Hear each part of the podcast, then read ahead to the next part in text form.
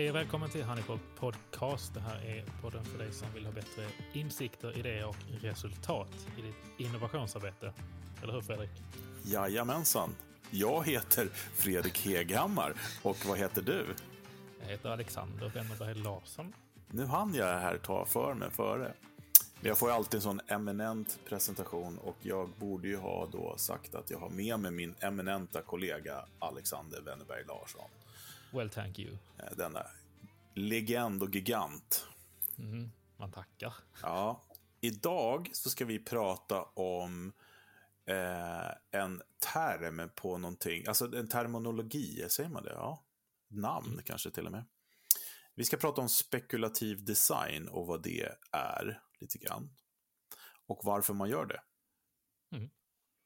Eh, spekulativ design är ju egentligen en metod, en metodik för att ja, men prototypa framtiden, skulle man kunna säga. Visualisera, eh, göra liksom... Ja, man jobbar helt enkelt med processer för att ta fram lösningar och sånt eh, på olika saker och ting eh, och visa hur det skulle kunna uppfattas, testa och funka i framtiden. Mm.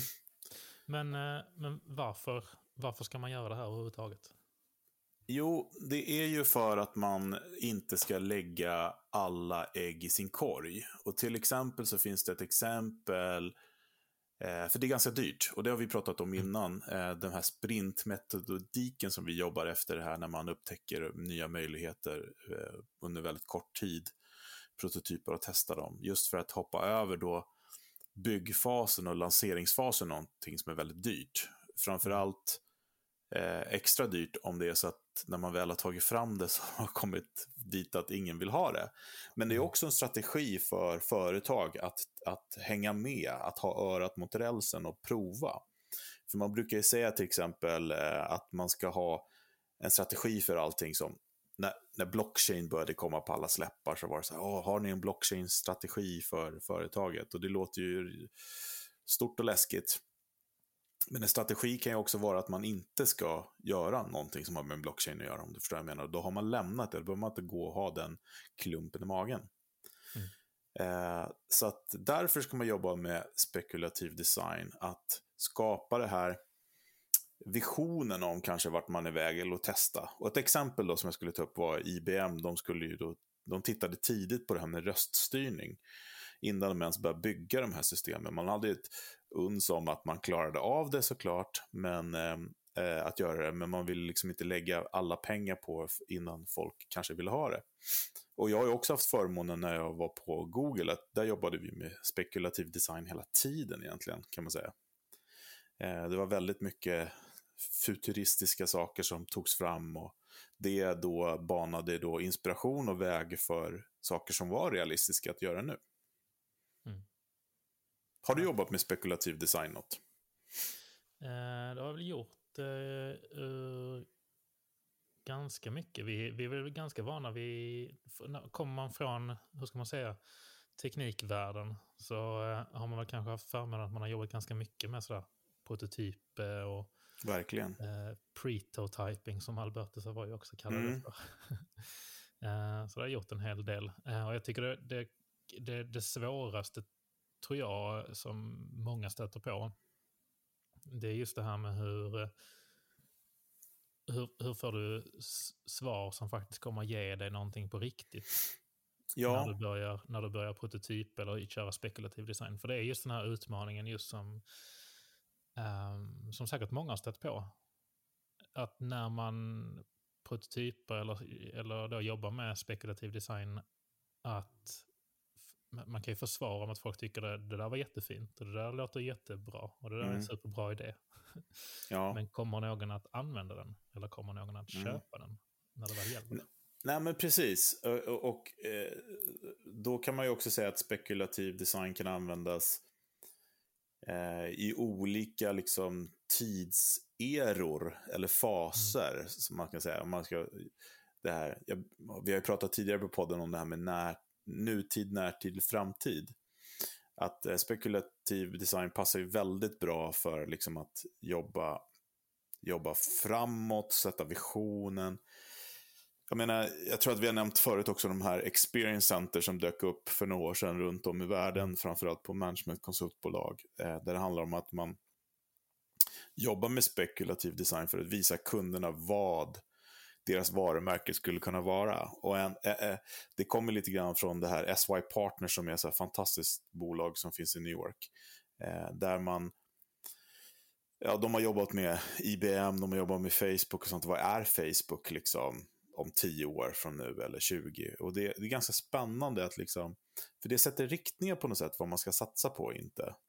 Mm. Men, men det som du säger med det här med att använda spekulativ design liksom här och nu för att testa saker och ting är ju också väldigt spännande. Och du eh, drog ju den här storyn med brödrosten, kan du inte dra den? Eh, den är, jo, är lite visande.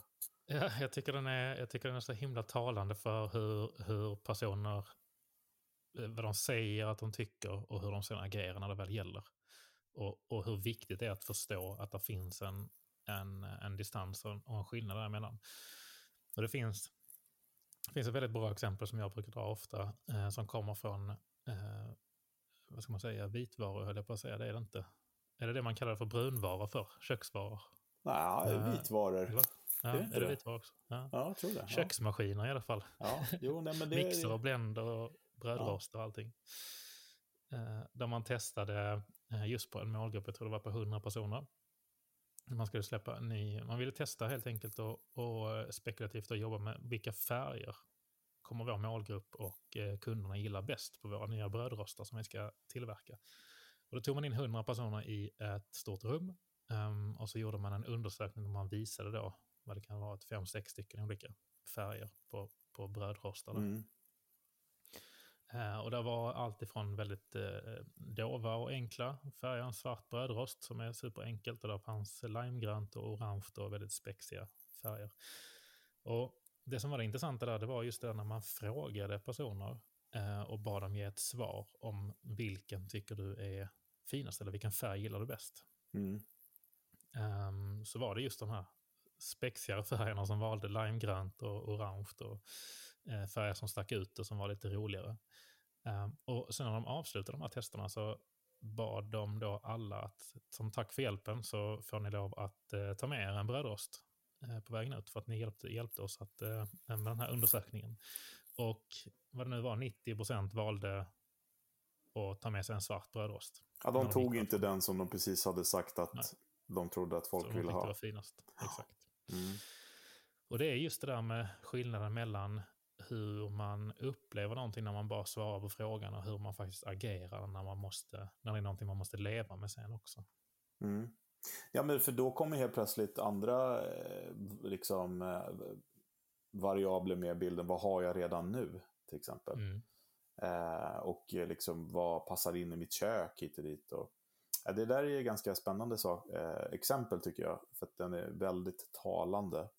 Och det är mm. därför också det här med spekulativ design, det vill säga att visualisera saker och ting blir så himla viktigt också. För att vi människor är ju fantastiska för att vi är så olika och unika på sitt sätt. Och om jag säger att vi ska bygga en, en grön bil, mm. då redan nu så har vi två olika gröna bilar i det här samtalet. För att jag tänker ju liksom, ja, jag vill ha monster truck däck och jag vill ha en cab och hit och dit. Och så går jag iväg och du bara, ska vi bygga en grön bil, säger vi. Utan att definiera vad det är. Ja, säger du, det låter kanon. Och så kommer jag tillbaka med den så vi, du bara, nej. Så där ser inte, det var inte så jag tänkte att den skulle se ut. Och det är därför det här blir så himla viktigt. För att eh, då kan man liksom googla bilder eller man kan rita om man kan det eller bygga lego eller någonting som man får en hint om mm vad det är man ska eh, jobba emot. Och då ser man ganska snabbt liksom att nej men eh, eh, vi ska inte ha sex hjul eller vi ska inte ha motorn i fram, vi ska ha den i bak eller vi ska ha elmotor, vi ska inte alls ha det eller det. Eh, och det, det tycker jag är liksom essensen i det här sättet att jobba, att man, mm. man fejkar upp det som man ska liksom jobba emot helt enkelt. Och en av de viktigaste sakerna här tycker jag det är just att våga att våga göra, jag höll på att säga, våga göra det dåligt. Det är inte riktigt så jag menar, men mm. våga göra det så att det inte blir liksom, det behöver inte bli en jättegrej. Utan eh, en av de mest kraftfulla sakerna i att jobba på det sättet handlar just om att bara kunna undanröja missuppfattningarna. Mm. Eller undanröja att man ser på saker på två helt olika sätt. Kan man, man kan rita upp på ett papper med en penna. Man behöver inte bygga saker superfancy i någon Verkligen inte. Liksom, grafiskt verktyg. Eh, utan bara att få ur sig den. Mm. Och det brukar vi också prata om, just det där med alltså, kraften i att, alltså, att prototypa kanske egentligen mer eller mindre nästan bara handlar om att få ur sig en idé ut ur huvudet i ett format som gör att någon annan kan förstå den. Ja. Det är egentligen bara det som är grundkravet kanske. Ja, men alltså. absolut, absolut. Och att få ut den i huvudet så att den inte ligger där och skvalpar till ingen mm. nytta. Men, men jag kan också säga att jag har ju hållit på med det här sättet att jobba Eh, liksom hela mitt liv egentligen med prototyping. Jag brukar säga det ibland när jag gör någon föreläsning och ska presentera mig själv, att man går tillbaka och tittar på mina, ri, äh, mina det, liksom, ja, teckningar från när jag var liten, så är det ritningar oftast. Mm. och jag tror att för att jag växte upp med, med en familj där vi liksom så här, ja men det där kan vi bygga, det är lugnt. Så gick vi ner i källaren och byggde det äh, och testade. Så att man har det i sig lite grann. Men och jag kommer ihåg när jag kom i kontakt med Alberto Savoia som vi har pratat väldigt mycket om och som jag refererar till ganska ofta. För han säger ju det här, eh, se till att bygga rätt sak innan du bygger det på rätt sätt. Mm. Eh, och det älskar jag, men han, han också pratar om pretotyping och det har jag haft lite svårt för, jag tycker det var lite så här, ja men, hitta på ord.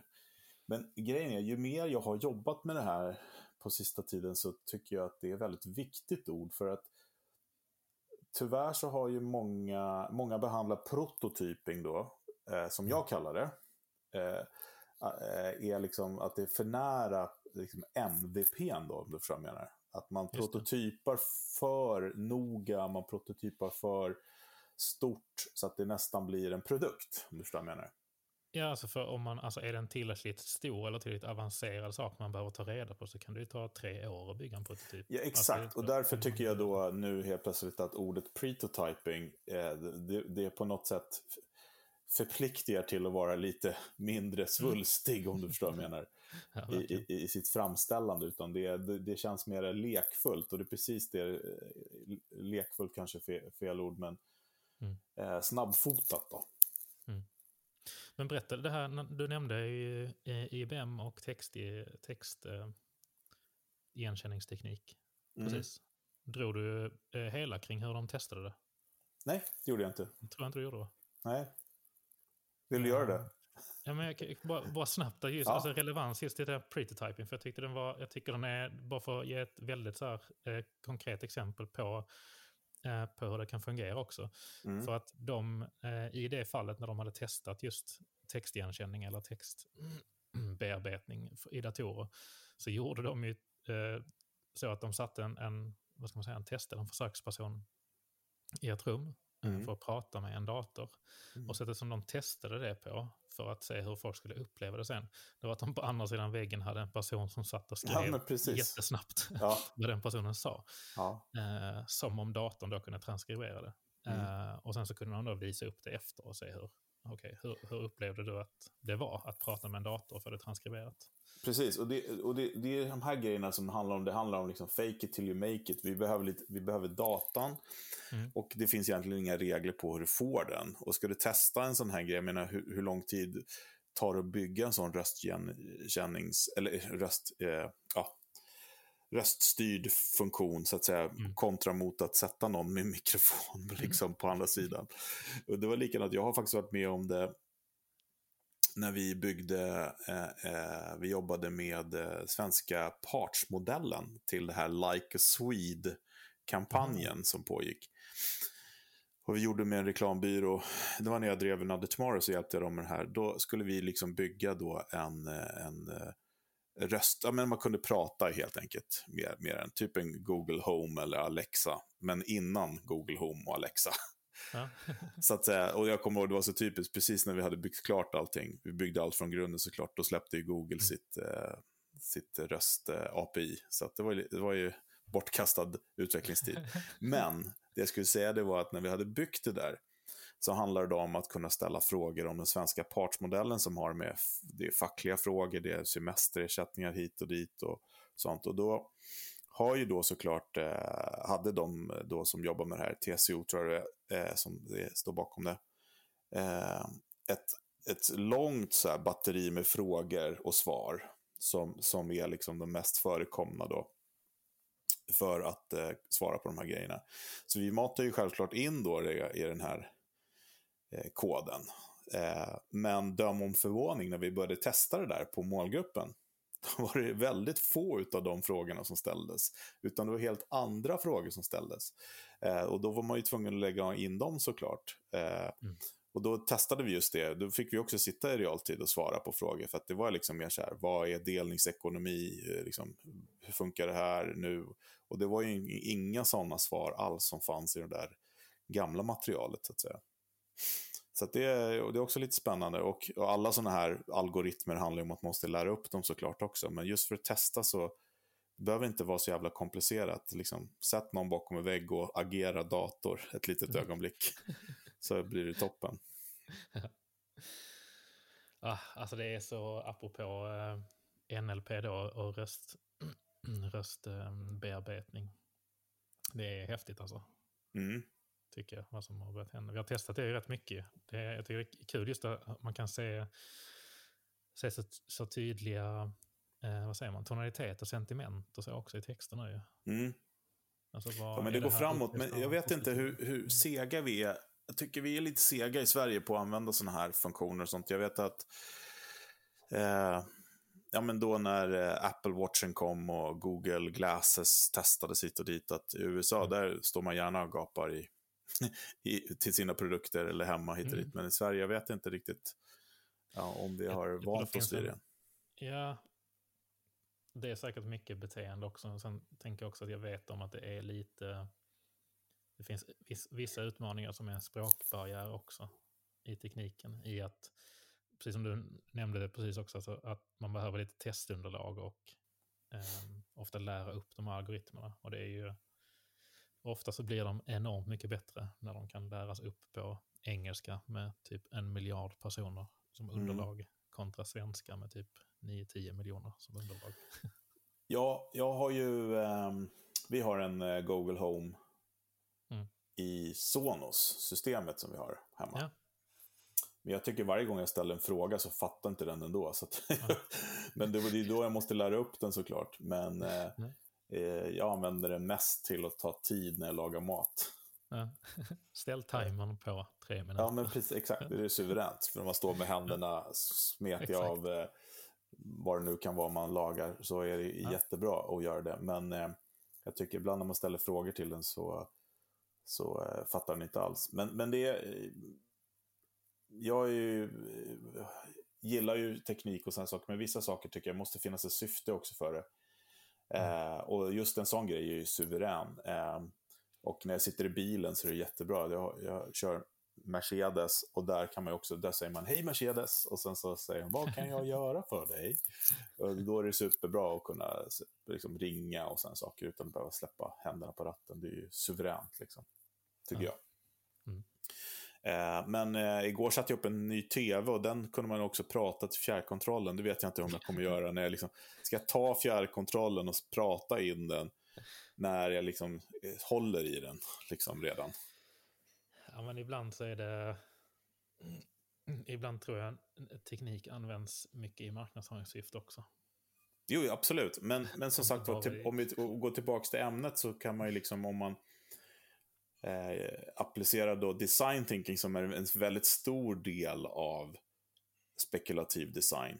Eh, det blir många termer här nu, men att det här man, när man liksom empatiserar med användaren och, och observerar och ser dem Eh, och då kanske kan göra då, eh, pri, pritotyper på vad de mm. behöver och liksom testa sig fram så är det ju toppen. Eh, jättemycket handlar ju om att förstå.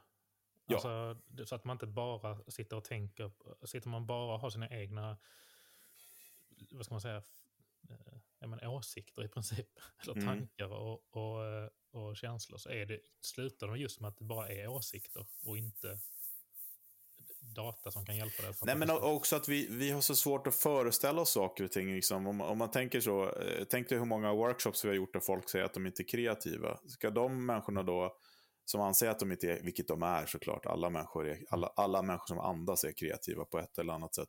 Verkligen. Men eh, att, att de ska föreställa sig det, din tjänst eller produkt, det, det är ju alltså det är ju dött lopp. Jaha, såg den inte ut sådär? Åh, alltså det finns ju en anledning eh, varför restauranger visar hur maten ser ut till exempel. Mm. För att man kan liksom se, man kan föreställa sig vad man får. Eh, och sådana saker. Eh, det, det underlättar ju liksom. Att få klämma, känna, titta, eh, smaka till och med. Och det var, ap, ap, ap, apropå det där med, med, med de sinnena hit och dit. Eh, jag såg något tv-program för länge, länge sedan om om just det här med eh, att vi eh, i västvärlden äter ju liksom mat med bestick. Hur tokigt det egentligen är. Att det är mycket bättre att äta med fingrarna för att, att hjärnan hinner ställa in sig på konsistens eh, och temperatur innan man stoppar in i mm. munnen. Och att det blir en helt annan upplevelse då. Och det, det säger sig självt.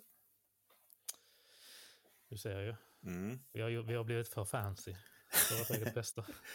Ja, det är för sig en upplevelse. Man vet inte vad, vad, vad som kommer in där när man stoppar in på gaffeln i munnen. det, är, det kanske är det vi är ute efter, kickarna, att testa något nytt.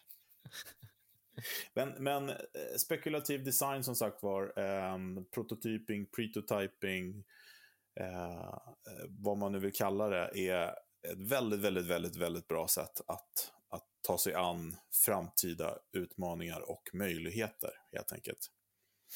Okay. På ett visuellt sätt. Och mm. som du sa, eh, som vi aldrig kan understryka noga, eh, är ju att eh, det behöver inte vara fancy-pansy. Liksom. Utan scrappy är väl ett bra engelskt ord. På svenska, skräpigt, det låter inte lika kul, men liksom... prototypigt helt enkelt. Ja, mm. jo men verkligen. Och det är, alltså det, vi skickar med det till, som en uppmaning till alla att våga göra, kan, kan du som lyssnar, kan du inte göra det närmsta veckan? Prova att göra en, ett, en prototype eller en prototyp på någonting du ska förklara. Mm. Rita det på ett papper, visa upp mm. det. Eller spela in en video spela med din telefon. Det är också bra. Fake it, liksom. Mm. Den är bra. Men det har vi pratat om i tidigare avsnitt, så det tycker jag ni ska gå tillbaka och lyssna på. Vi har avsnitt som handlar om prototyping och mm. design thinking, så att gå tillbaka och lyssna på de avsnitten så, om ni vill fördjupa er mera. Men eh, ska vi skicka med en liten gottispåse, eller? Det ska vi, och den kommer mm. här. Veckans goodiebag. Ja, det var veckans goodiebag. Härligt, veckans goodiebag. Veckans goodiebag blir ju faktiskt på temat då. Vi pratar om det här med, med spekulativ design och framförallt då pretotyping som vi tycker ingår i det. Eh, och eh, vi pratar då om kungen av det uttrycket, det vill säga Alberto Savoia. Eh, och vi tänkte att vi skickar med en länk till en väldigt bra video där han pratar om det här, men framförallt också han pratar om något som kallas för Yoda. Eh, YODA, Your Own Data. Eh, och det är någonting som är väldigt, väldigt viktigt och det som då eh, det här sättet att jobba underlättar och ger dig. För det är väldigt lätt att jobba med annans data. Man kanske har, har gjort någon research eller man har sett någon trend och hit och dit. Det behöver inte betyda att det är rätt data som du behöver för din tjänst eller produkt eller idé.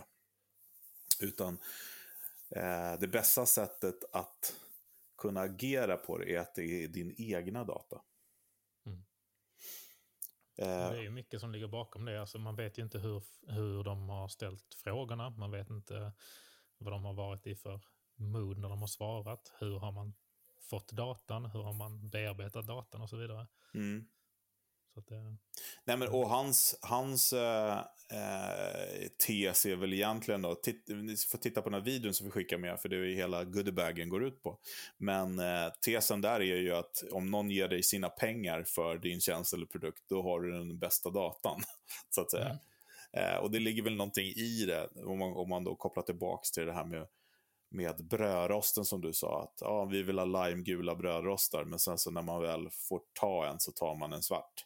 Mm. Eh, och det är väl det som liksom ja, kännetecknar det här sättet att jobba på helt enkelt. Att skaffa din egen data. Vi har pratat om testing och sånt förut, vill jag minnas, i poddarna. Men eh, just det här att det behöver inte vara dyrt och kosta väldigt mycket pengar heller, för man kan jobba med fem personer och fem personer står för merparten av, av testresultaten. Så man kan liksom hitta några att interagera med helt enkelt för att få den här datan. Du kanske inte ska vara din bästa vän eller din fru eller din man eller vem det nu är, utan, och, granne, utan det ska vara då någon i riktiga målgruppen som, som man kan interagera med. Och än en gång, eh, den här Google Design Sprint-boken eh, har vi rekommenderat förut några gånger. Den, den kan man också köpa. Den har ett helt avsnitt om det här med testing i sig. Som de går in i detalj på hur det här går till. Där, så att, uh, det, är också ett, det blir dubbel goodiebag idag. Ja, visst. Men klippet kommer i posten här helt enkelt. Mm. Mm. Det gör det. Det var ett eh, kort och effektivt avsnitt idag. Ja, men absolut. Eh, vi skulle kunna prata hur mycket som helst om det här. Eh, men jag tänker att vi ska försöka hitta en gäst som jobbar med spekulativ design. Det skulle vara väldigt roligt att titta på. Vi har i och för sig haft det. Jag menar, eh, Micke från eh, eh Toolspace mm. pratar ju om ja. fysiska prototyper. Det är en del av det här. Um, Mm. Som sagt jag har ju också jobbat med det väldigt mycket, men det är alltid kul att få lite andra perspektiv på det. Jag menar, du och jag jobbar ju med spekulativ design på daglig basis, där vi, mm. där vi skapar Hives, vår produkt. Ja, där jobbar vi eh. jätteaktivt med det. Mm. Och där är ju prototypen oftast en whiteboard, helt enkelt. Yes. Och eh, användardata som vi får. Vi pratar ju mm. väldigt mycket med vår målgrupp och, och mm. eh, justerar och fixar och donar hit och dit. Så att mm. vi, vi lever som vi lär. Ja, visst. Mm. ja. Men tack, tack för idag då. För, eh, ja. ja. tack så mycket för idag. Och eh, fortsätt, fortsätt innovera där ute så hörs och ses vi nästa tisdag. Det gör vi. Ciao. Hej hej.